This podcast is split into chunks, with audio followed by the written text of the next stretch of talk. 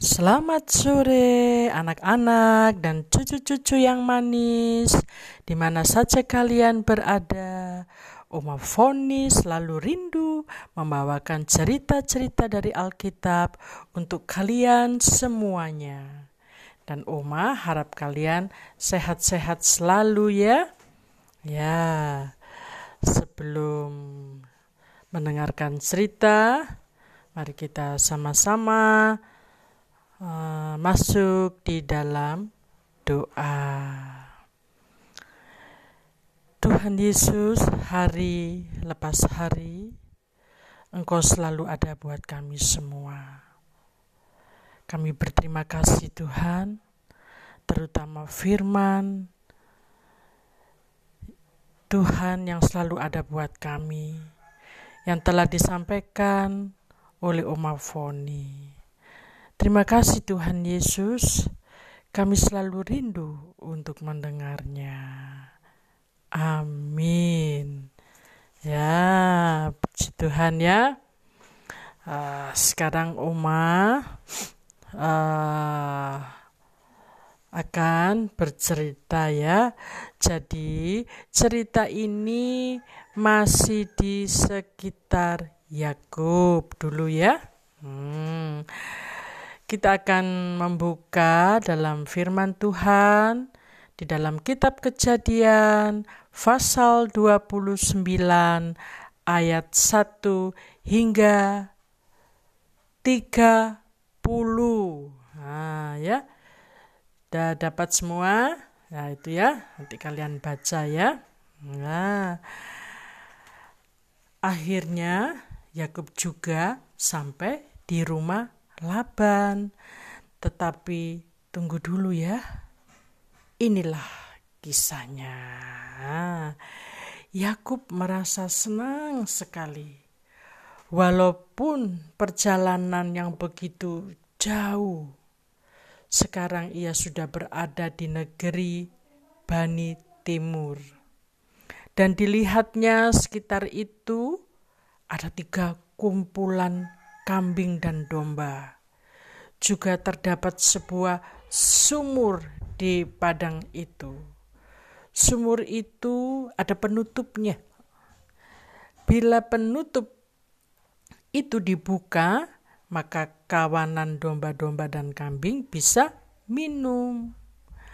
Yang menggulingkan tutup batu ini, para gembala-gembala Bila sudah selesai memberi minum, ditutup lagi sumur itu. Jadi, itulah cara mereka bekerja para gembala-gembala, ya. Mau memberi minum, ya, uh, tutup mulut sumur itu digulingkan, ya. Selesai memberi minum para kawan itu, domba-domba dan kambing, ditutup lagi. Itulah hari-hari uh, di mana mereka bekerja. Nah, dengan adanya sekelompok para gembala, kesempatan Yakub untuk bertanya tentang saudara ibunya, yaitu Laban. Lalu bertanyalah Yakub kepada mereka, dari manakah saudara-saudara ini? Jawab mereka, kami ini dari Haran. Wah, kemudian Yakub bertanya lagi, apakah kalian kenal dengan Laban, cucu Nahor? Jawab mereka, kami kenal. Keluarga mereka ada baik selalu dan selamat. Di dalam percakapan itu datanglah Rahel dengan kambing dombanya.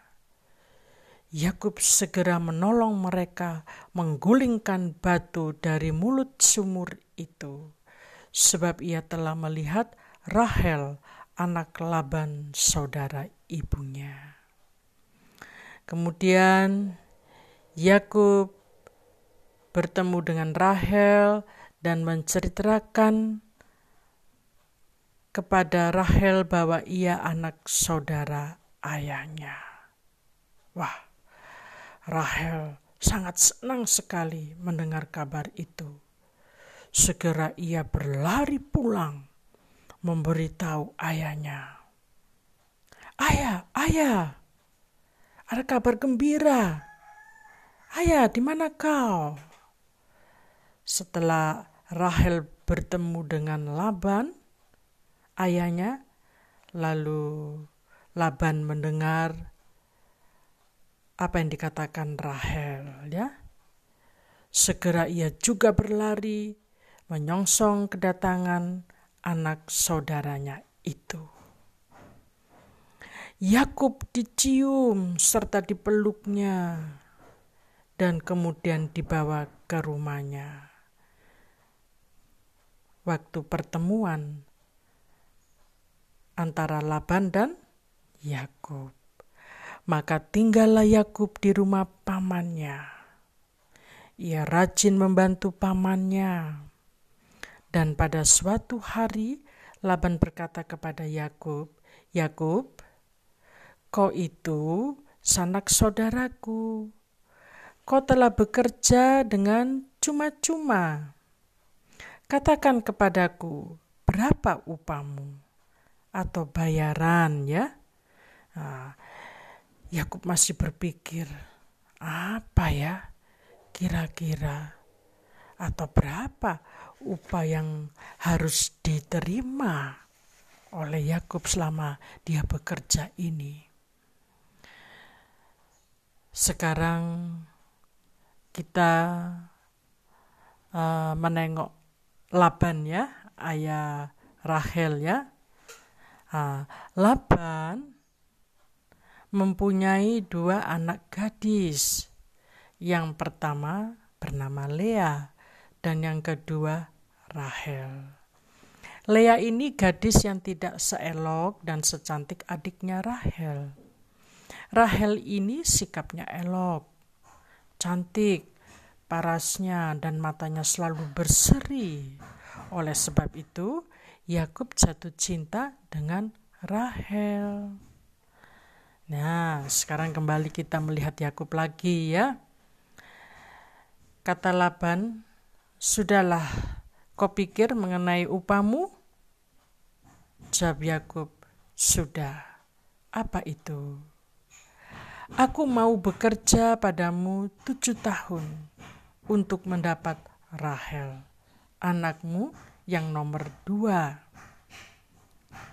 Jawab Laban, Ya, kuberikan kepadamu daripada orang lain. Mendengar jawaban Laban, Yakub senang sekali, dan dia semakin rajin dan giat bekerja karena untuk mendapatkan Rahel. Tak terasa sudah tujuh tahun kenaplah Yakub bekerja Lalu ia berkata kepada Laban, "Berikanlah kepadaku bakal istriku, supaya ia menjadi milikku." Kemudian Laban mengundang para tetangga atau semua orang-orang di tempat itu dan mengadakan pesta pada malam hari. Tamu-tamu dijamu dengan makanan yang enak-enak. Lalu Laban mengambil Lea dan dibawanya kepada Yakub. Yakub tidak tahu sebab wajah si Lea ditutup dengan cadar. Keesokan paginya Yakub terkejut. Apa yang ia lihat? Ya, ia melihat bukan Rahel, melainkan Lea. Wah, wah, aku akan pergi ke paman Laban ini. Akan kutanyakan peristiwa ini. Wah, dia sudah berbuat salah kepadaku. Hmm, lalu pergilah Yakub mencari Laban dan menghadap Laban. Katanya, Paman, mengapa kau berbuat hal ini dan menipu aku? Bukankah aku bekerja dan sudah ada perjanjian bahwa aku harus mendapatkan Rahel? Lalu jawab Laban pada ayat yang ke-26 ke-27 mari dilihat uh, Oma akan membacanya ya. Uh, kejadian 29